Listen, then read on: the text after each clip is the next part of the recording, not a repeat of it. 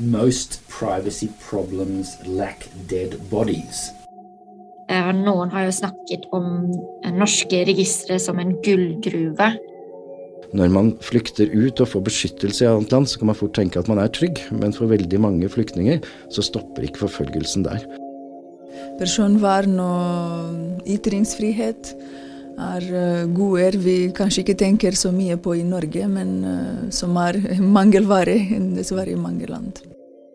Hvis man tillater overvåkning, så vil den alltid ha en tendens til å vokse og etter hvert bli brukt til mer og mer og mer. Jeg heter Elisabeth Haugsbø. Jeg er visepresident i eh, fagforeningen Tekna.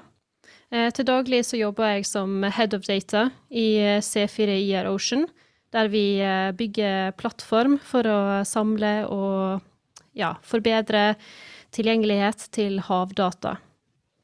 Og eh, ja, personlig så eh, Jeg er jo en teknolog, da, i, i bunn og grunn, og, og, elsker alt som har med teknologi å gjøre. Og da er jo personvern en del av det. Eh, og det er noe som en må ta hensyn til, eh, og spesielt i min, eh, min daglige jobb. Og så hører det, med, hører det, jo med til historien at jeg pleide å være etisk hacker før. Så jeg har jo virkelig sett hva som kan være konsekvensene av ja, dårlig oppsatt teknologi eller prosesser som gjør at både personvern og annet kommer på avveie. Jeg heter Simen Bakke. Jeg jobber som eh, senior informasjonssikkerhetsrådgiver i politiets IKT-tjenester. Eh, og så er jeg eh, medlem, eller fagprofil, i det vi kaller for Tenketanken. kan vi vel, er den enkleste beskrivelsen på det. Utsyn. Forum for utenriks og sikkerhet. Så det er litt i den forbindelse jeg uttaler meg her i dag, da. Jeg ikke, prater ikke på vegne av arbeidsgiver, men meg selv som fagperson. Eh, jeg har jo bakgrunn fra politiet og har jo nært kjennskap til eh, disse temaene liksom fra politi, politiarbeidet mitt eh, sånn 10-15 år tilbake i tid. Um, og den senere tiden så har jeg gått mer i retning mot cyber, da, som jeg syns er et utrolig spennende område. Uh, og der kommer vi jo fort opp i disse dilemmaene da, uh, mellom uh, individets frihet og statens behov for å kunne hente inn informasjon for å kunne hva skal vi si, motvirke trusselaktørene. Eh, og da, da, tenker jeg at dette er en viktig diskusjon som eh, jeg forhåpentligvis kan bidra med noen nyanser til. Da. Eh, jeg heter Bjørn Aslak Juliussen, og jeg, skrev, eh, jeg er jurist. Og jeg skrev masteroppgave om tilrettelagt innhenting i den nye etterretningstjenesteloven i fjor. Og så jobber jeg nå som ph.d.-kandidat på Institutt for informatikk, der jeg forsker på menneskerettigheter og individets plass i kunstig intelligenssystemer. Ja, jeg er Jan Henrik Nilsen og jobber i offentlig seksjon i Datatilsynet. Jeg jobber i hovedsak med myndighetsovervåking og kunstig intelligens.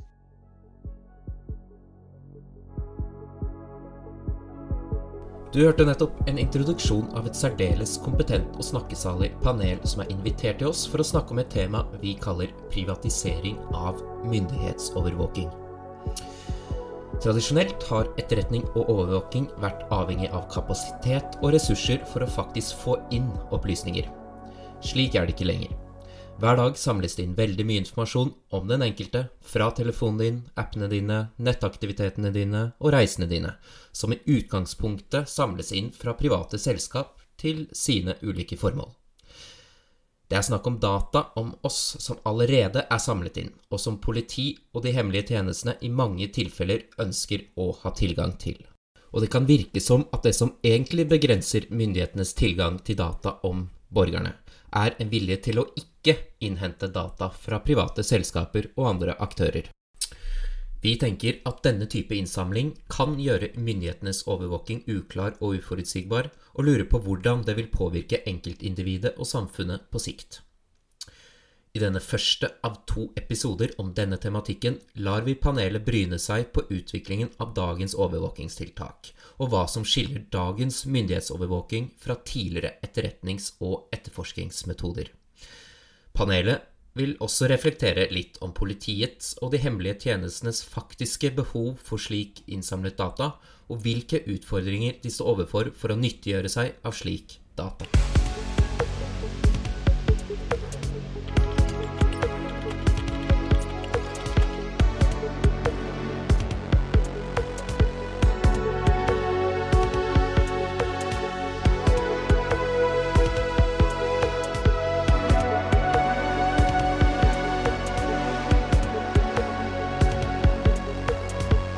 Altså jeg tenker Hvis vi tar et uh, skritt tilbake da, og så ser litt på hva er det som egentlig har skjedd uh, de siste 20 årene, så er jo det egentlig en forrykende teknologiutvikling.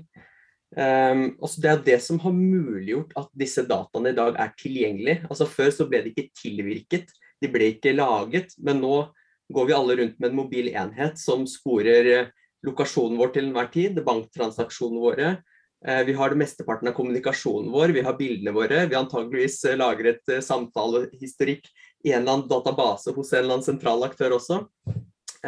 Så, så alt spores jo, ikke sant.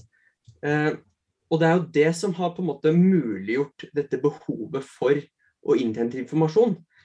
Eller det har muliggjort muligheten for det. Men igjen, hvis vi også ser ti år tilbake, så skjedde det noe spesielt i USA. Og dette var jo Eh, terroren i 9-11. Eh, og da fikk jo amerikanerne ganske heftig utvida sin anledning til å innhente informasjon, spesielt etterretningstjenesten gjennom bulkinnhenting. Eh, dette var jo også ikke lovfesta behandla på, på, vanlig måte, men gjennom presidentordrer, hvis jeg ikke husker helt feil.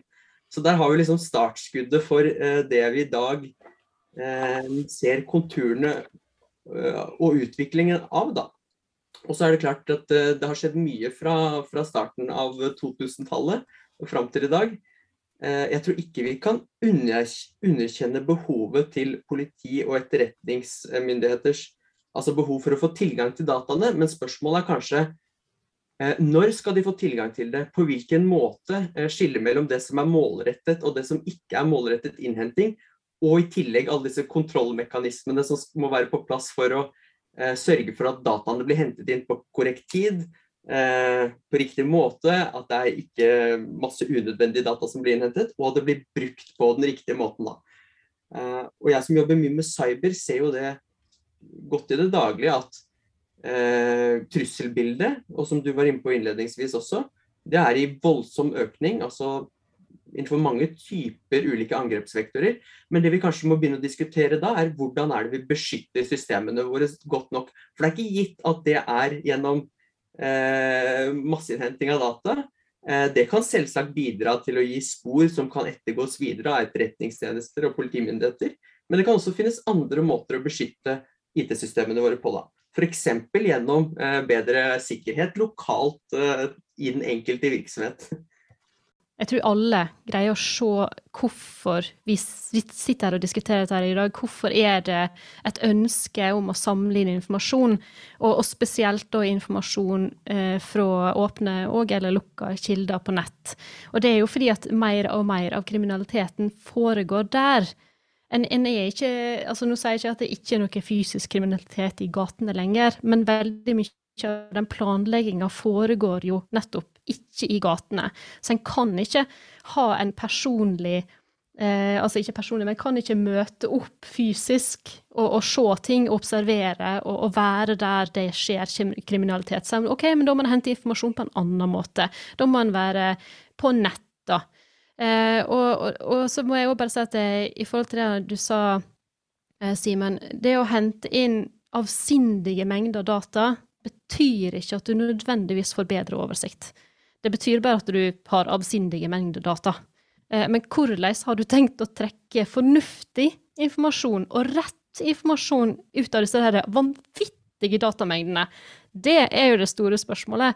Og, og da er det jo sånn, sånn sammensurie av, eh, av, eh, av, relevante datakilder, irrelevante datakilder, og så skal en liksom koke det sammen og, og trekke ut en god konklusjon. Hvordan får en til det? Ja, for det var jo egentlig litt mitt neste spørsmål. At på hvilken måte tilbyr data innsamlet fra disse private aktørene en løsning på alle utfordringene våre?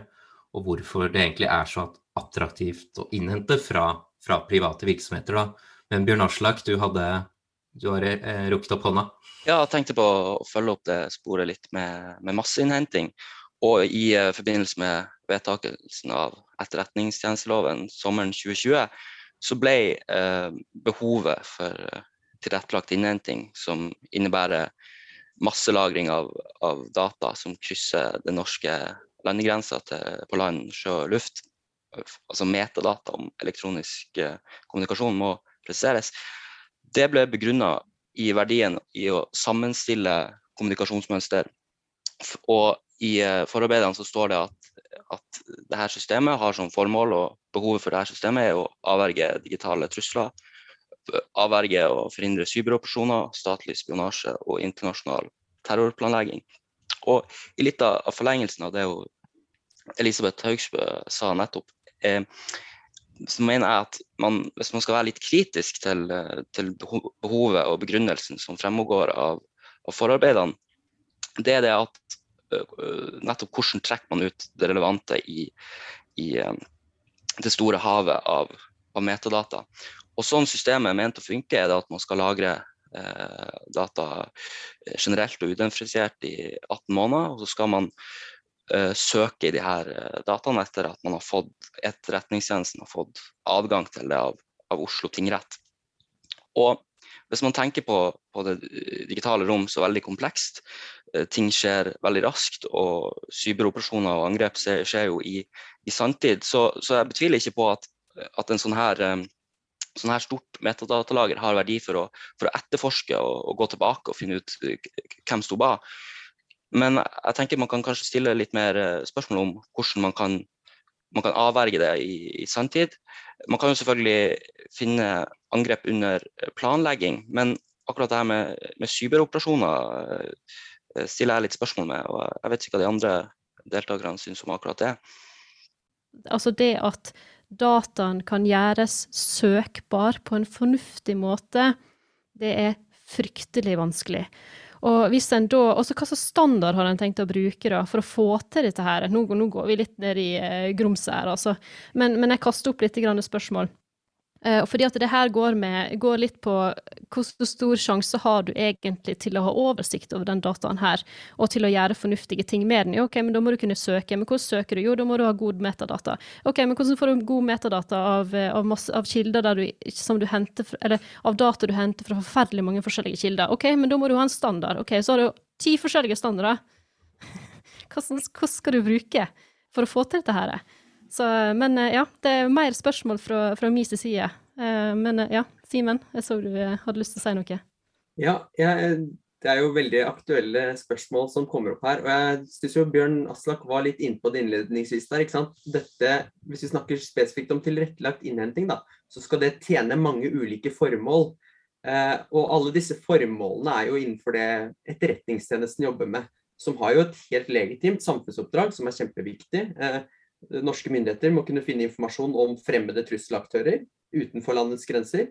Eh, og også informasjon som er i Norges interesser. Det er kanskje litt mer sånn Da går man også litt over i det diplomatiske sporet. Da. Altså, stater driver jo overvåkning av hverandre hele tiden. Eh, men dette med trusselaktører, kanskje spesielt, terror, andre former for trusselaktører, kan jo være viktig å hente informasjon om. Så, så da, er liksom, da er det veldig vanskelig utgangspunkt å argumentere imot. For dette er jo noe alle er enige om, ikke sant? Eh, hvem vil forhindre Norge å kunne avdekke fremmede trusselaktører? Eh, og det er liksom der jeg føler litt at diskusjonen har kanskje blitt litt unyansert når dette lovforslaget ble lagt frem. For det, hvis nytteverdien og behovet fremføres som at det er åpenbart og godt, så vil jo ingen eh, si nei, men dette kan vi ikke innføre.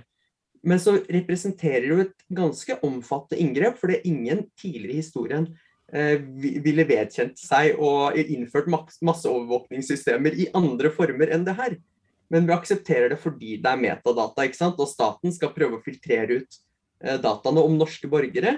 Eh, det har man jo ikke klart å redegjøre for hvorvidt man faktisk er i stand til det eller ikke. Og så vil teknologien hele tiden endre seg. Nye krypteringsmekanismer som gjør at du kanskje får enda mindre nytte av tiltaket. Eh, på den positive tiden så kan man kanskje få mer nytte av det hvis eh, algoritmene som Etterretningstjenesten utvikler for å analysere disse dataene, blir bedre. Men dette er en stor usikkerhet da, som jeg opplever at man nesten ikke har diskutert. Og da blir denne forholdsmessighetsvurderingen da, mellom hvor nyttig er tiltaket opp imot hvor stor eh, negativ påvirkning har det på liksom, friheten til borgerne? Også, altså, helt grunnleggende demokratiske rettigheter som vi alle bør være enige om er ganske viktige. Da blir denne forholdsmessighetsvurdering, sånn jeg ser det, da, litt vanskelig å faktisk ta stilling til. Fordi du har fått bare informasjon om den ene siden, hvor nyttig tiltaket er, og så er det opp til sivilsamfunnet å fortelle ja, men dette har faktisk noen negative konsekvenser. Det vil ikke myndighetene sånn uten videre hva skal vi si, eh, diskutere veldig grundig da, i, i, lovforslaget, sånn som jeg ser det. Så selvfølgelig det er sider ved, ved sånne typer lovforslag som sjelden blir grundig redegjort for, og som kanskje sivilsamfunnet da, er de som faktisk gir eh, myndighetene informasjon om når man skal balansere de rettighetene. Jeg syns jo samtalen her illustrerer veldig godt det problematiske med denne type masseovervåkning. Altså Man har store store mengder informasjon, og man har mange mange formål man ønsker å bruke dataene til. Og Det skaper nettopp den uklarheten vi er bekymra for. Da, for da mister man eh, kontroll reelt sett, og man føler at hva er det som overvåkes? Hva er det dataene brukes til? Det skaper en usikkerhet som kan ha negative konsekvenser. Uten at de nødvendigvis er tilsikta. Fordi behovet for å nyttiggjøre seg data er jo helt klart der ute. Nettopp. Um, vi snakker jo her, eller Temaet for denne, denne podkasten er jo at vi snakker om en, et samfunn der det offentlige og private egentlig synkroniserer sine interesser og utveksler kunnskap om den enkelte borger. Men er det, helt kort, er det fair å, å snakke om at overvåking nå ikke er et spørsmål om kapasitet, men om, om vilje? Er det slik? Ja, jeg eh, beit meg litt merke i det du sa om den private. Eh, fordi at OK, vilje til å Vilje til å dele. Ha, har vi egentlig det som privatpersoner? Veit vi hva vi deler for noe? Eh, jeg er jo kanskje over middels kritisk til å, å lese alle eh, terms and conditions på alle sånne applikasjoner som jeg bruker. Eh, og det betyr jo at eh, folk bare Ja, men bli med her, da, at du skal bare laste ned sånn og sånn. Jeg bare mm, mm, mm, mm, OK, gi meg en time, da. Jeg skal bare lese dette der det avsindige, lange eh, å si, Pardon my French, advokatspråket, som jeg sånn delvis forstår, delvis ikke forstår. Og det her er jo på en måte den jungelen som, som, vi som privatpersoner befinner oss i.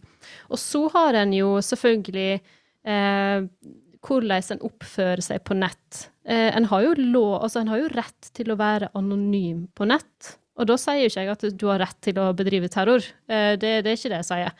Eh, men du har rett til å være anonym på nett. Og hvis en da skal drive med sånn masseovervåking, og så ja, greit, så er det noen sånne kriterier fordi at det skal være kommunikasjon over landegrenser, det skal være slik og sånn.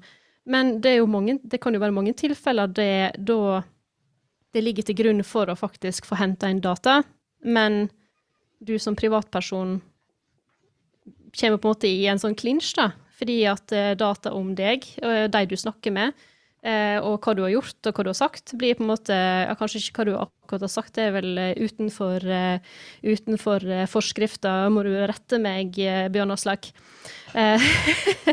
men, men, jeg tenker at det, hva slags forutsetninger har egentlig de private, den private befolkninga for å forstå hva det tiltaket her egentlig betyr for deg i hverdagen.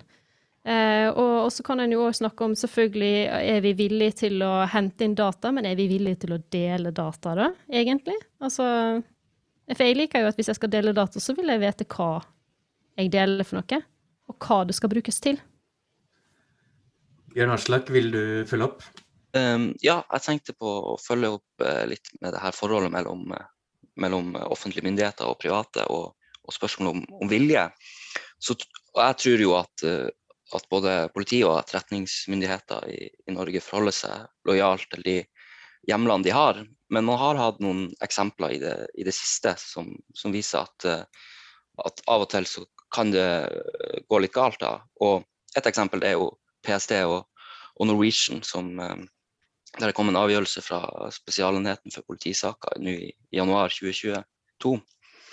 Og da, hadde, da viste det seg at etter en tilfeldig inspeksjon av Stortingets kontrollutvalg for de hemmelige tjenestene, så oppdaga de at, at, PST da hadde uh, tilgang til eh, Norwegian sitt uh, billettsystem og gjorde søk i det uten at de hadde hjemmel til det på, på uh, det tidspunktet da inspeksjonen var. Og det ble på en måte da begrunna ut ifra en sånn, sånn nødrettstankegang av PST at, at det er så viktig å forhindre den terrorfaren som er i Europa, at vi kan ikke slutte når vi først har begynt. Og da tenker jeg litt på hvordan en privat aktør da, som, som f.eks. et flyselskap skal forholde seg til det når, når myndighetene sier at det her må vi ha, for at, for at um, hvis ikke så går det galt. Um, og det viser jo også viktigheten av at, uh, av at ikke det, det bare viljen det går på, at man også har kontrollrutiner som, som oppdager hva som faktisk skjer. Og eh, bare for å komme litt tilbake til tilrettelagt innhenting, så var det jo sånn at, at den nye etterretningsloven ble til på grunn av et anmodningsvedtak fra Stortinget, som igjen ble til pga. at EOS-utvalget hadde oppdaga at uh, etterretningstjenesten gjorde noen sånne selektorsøk i, i lagra data som EOS-utvalget eh, e var kritisk til om var i tråd med den etterretningstjenesteloven som, som gjaldt da. Så um, jeg tror ikke det foregår uh, massive ulovligheter i, i, de hemmelige tjenestene, men uh, man har noen eksempler som viser at, uh, at det er viktig at det ikke bare er viljen som stopper, at man har uavhengige kontrollorganer. Et spørsmål vi kan stille oss, er hvordan utviklingen av overvåkingstiltak har blitt slik de er i dag.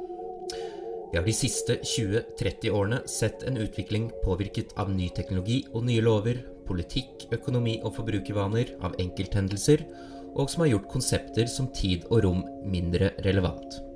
I tråd med dette er det åpenbart at vi har å gjøre med flere og flere registre, med større og større omfang, som igjen betyr stadig flere potensielle datakilder. Maskinens autoritet og pålitelighet er viktig i denne sammenheng, og dataen gir i teorien mange muligheter for overvåking og kontroll.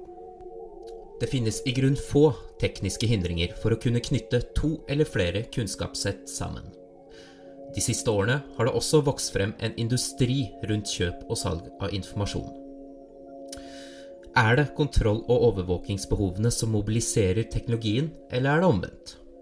Og hva er det egentlig som skiller dagens myndighetsovervåking fra tidligere etterretnings- og etterforskningsmetoder? Vi sender spørsmålene til panelet. Ja, jeg så jo den serien, og jeg syns den gir på en måte et slående bilde av den enorme endringa som har skjedd innen uh, innhenting av informasjon. Hvor man da, uh, som du sier, uh, får tak i nøkler og låser seg inn i, i Treholts leilighet i New York. Og tar bilde av alle sidene i dagboka til Treholt for å få en oversikt over hvor han har vært. Uh, mens det er jo helt utenkelig da. Det er jo ingen som vil ha en fysisk kalender engang.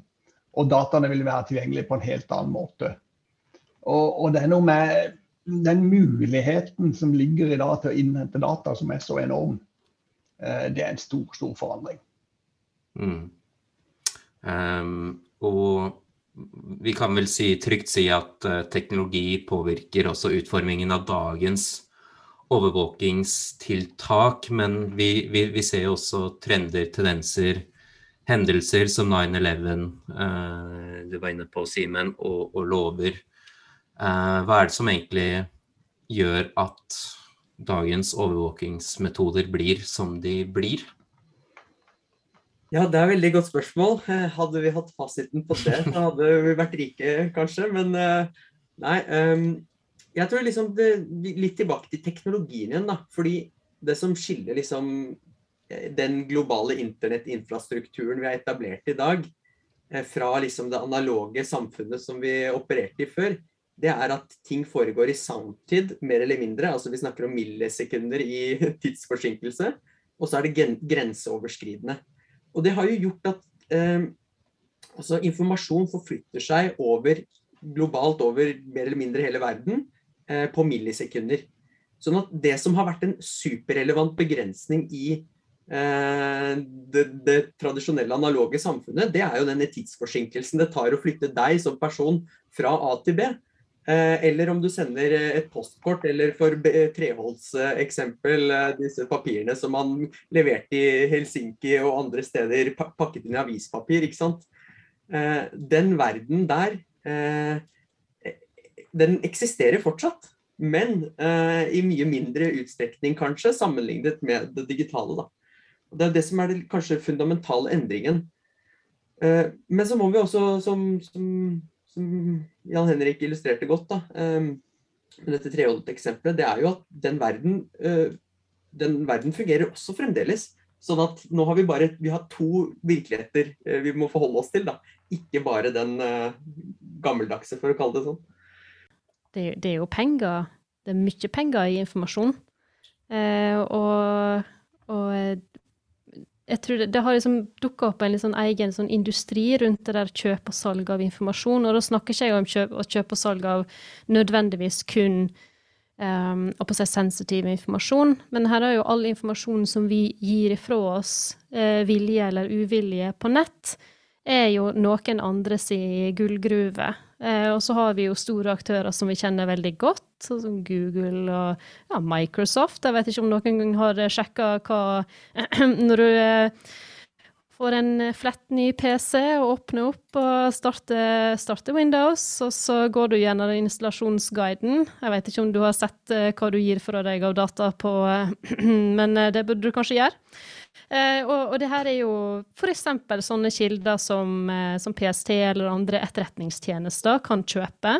Men det er òg reklame som kan kjøpe og selges basert på det du vet om kundene dine. Så det her er jo en kjempestor business.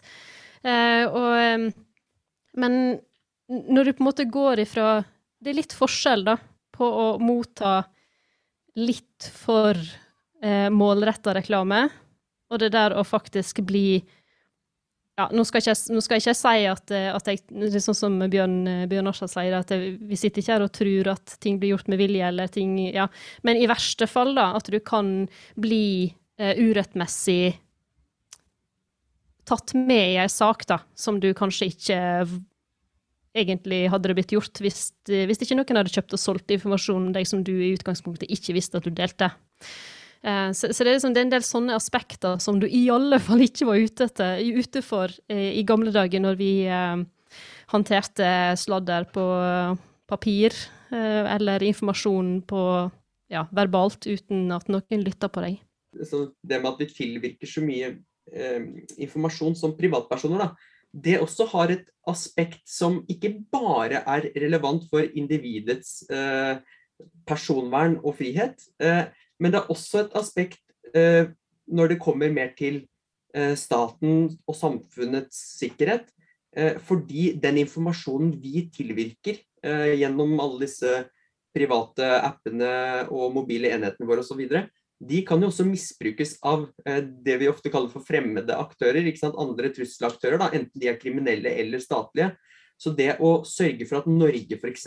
har dataminimering da, som et prinsipp, og alle applikasjoner som norske borgere bruker, eh, samler inn ikke mer enn nødvendig data, de dataene er godt beskyttet, det har jo også en positiv effekt på på, på, på, samfunnssikkerheten. Og man kan sikkert dra det så langt og si at det handler om nasjonal sikkerhet også. for kan du målrette eh, desinformasjonskampanjer over sosiale medier basert på disse dataene, eller at du kan gå inn på, på sosiale medier og hente ut opplysninger om personer tilknytta bestemte bedrifter som du ønsker å gjøre datainnbrudd i, eh, så kan du nettopp misbruke den informasjonen også. Så jeg føler ofte at man tenker på personvern som en, bare en sånn individuell frihetssak. Men jeg mener at det handler om å skape et robust samfunn som også um, som kan eh, beskytte oss mot disse fremmede aktørenes operasjoner. Uh, men så er jo det helt andre aktører sitt opp, sitt, sin oppgave å fremme det budskapet. ikke sant? Etterretningstjenester og politimyndigheter vil kanskje tradisjonelt ønske å få tilgang til dataene, så det er det som er fokuset deres de har ikke nødvendigvis så stort fokus på det å beskytte dataene. Der er kanskje Datatilsynet, eh, NSM eh, og andre et viktigere oppdrag og en tydeligere stemme. Eh, så det handler om å balansere disse verdiene og også få fram at beskytte data er også positivt i et større samfunnsperspektiv. Da. Så det kanskje fint å gi ord over til deg, Jan Henrik? Ja, veldig interessant at du trekker frem det. For ofte i overvåkningsdebatten så kan man fra personens side oppleve at det er litt vanskelig å begrunne eller å fange hvorfor eh, personvern er viktig og hvorfor det er skadelig med overvåking. Men, men, det du gjør her, er at du knytter det opp til helt sentrale personvernprinsipper som i eh, personopplysningsvernet, som man kan kalle det. Altså den lille verden, den lille bedriften, det vi eh, i stor grad driver med til vanlig, så vil disse personvernprinsippene være helt klare og nødvendige, som dataminimering. Men eh, å peke på at de også har betydning på et samfunnsmessig behov, er jo veldig veldig viktig. For det, viser seg at på en måte godt personvern kan være god sikkerhet. Og det er en veldig fin kobling. Um, nå har vi jo Vi kan jo kanskje snakke om at vi, vi har levd i informasjonssamfunn i 15-20-25-30 år. Og jeg hadde lyst til å spørre deg, Bjørn Aslak, om på en måte utviklingen av, av lover som man kanskje kan si i gåstegn privatiserer den overvåkningen da, siden 90-tallet, spesielt i Europa. Har du lyst til å ta oss gjennom det? Uh, ja, fordi um, det er jo et, En annen del av dette perspektivet er jo at det er jo ikke bare at private aktører har samla inn eh, data sjøl for egne formål, og så begjærer politi og etterretningsmyndigheter tilgang til det. Det handler jo også om at noen ganger så blir det utstedt lover i Europa som pålegger private aktører å på en måte på egen hånd eh, overvåke sine egne brukere og, og, kunder. Og Hvis man går tilbake 30 år til slutten av eh, av 80-tallet og begynnelsen av 90-tallet, så var det et uh, stort fokus på bekjempelse av organisert økonomisk uh, kriminalitet i Europa. Og på, i 1991 så fikk vi EUs første hvitvaskingsdirektiv. Og det de her lovene egentlig gjør, det er at uh, private aktører som banker, finansinstitusjoner og regnskapsførere blir pålagt å ha kontroll og på en måte samle inn informasjon. Og man kan kanskje si overvåke sine egne kunder for å oppdage risikoatferd og for å risikovurdere dem. Og det er en på en måte at man, man flytter en slags form for, for, myndighetsutøvelse, en slags form for etterretning, fra uh, at det skal gjennomføres av staten sjøl, til at private aktører skal gjennomføre den. Hvis man ser eh, litt mer sånn tradisjonelle politi- og etterretningsformål, så ser man at um, det var et stort skille etter uh, 9-11. Uh, der ble jo fly brukt som våpen i terror.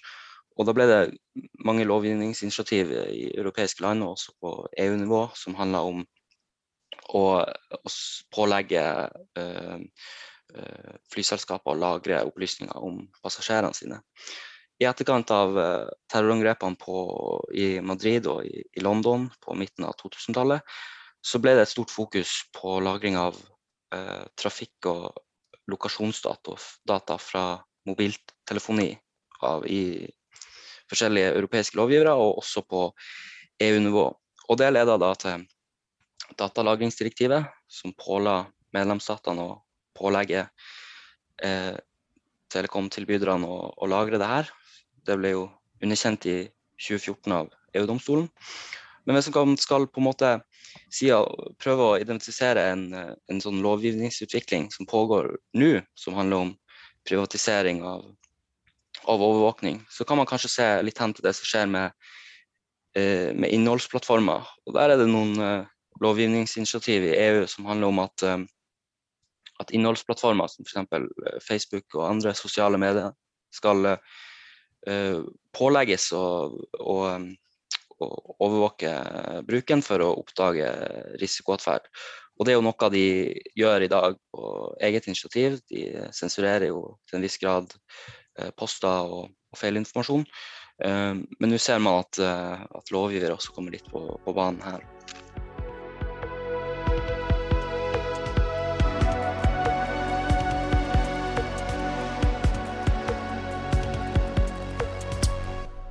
Der avslutter vi episoden for denne gang. Vi setter rett og slett strek, men vi vil fortsette der vi slapp i neste episode. Da vil det samme panelet fortsette å diskutere samme tema, med et spesielt fokus på ny etterretningstjenestelov og tilrettelagt innhenting av data fra private aktører, og PST sitt lovforslag om å kunne samle inn data fra åpne kilder og lagre dem i 15 år. Vi skal også diskutere potensielle konsekvenser av slik overvåkning, og vi vil prate om den demokratiske kontrollen med de hemmelige tjenestene. Så jeg håper du har hatt en god lytteropplevelse, og håper du vil høre neste og aller siste episode i denne serien.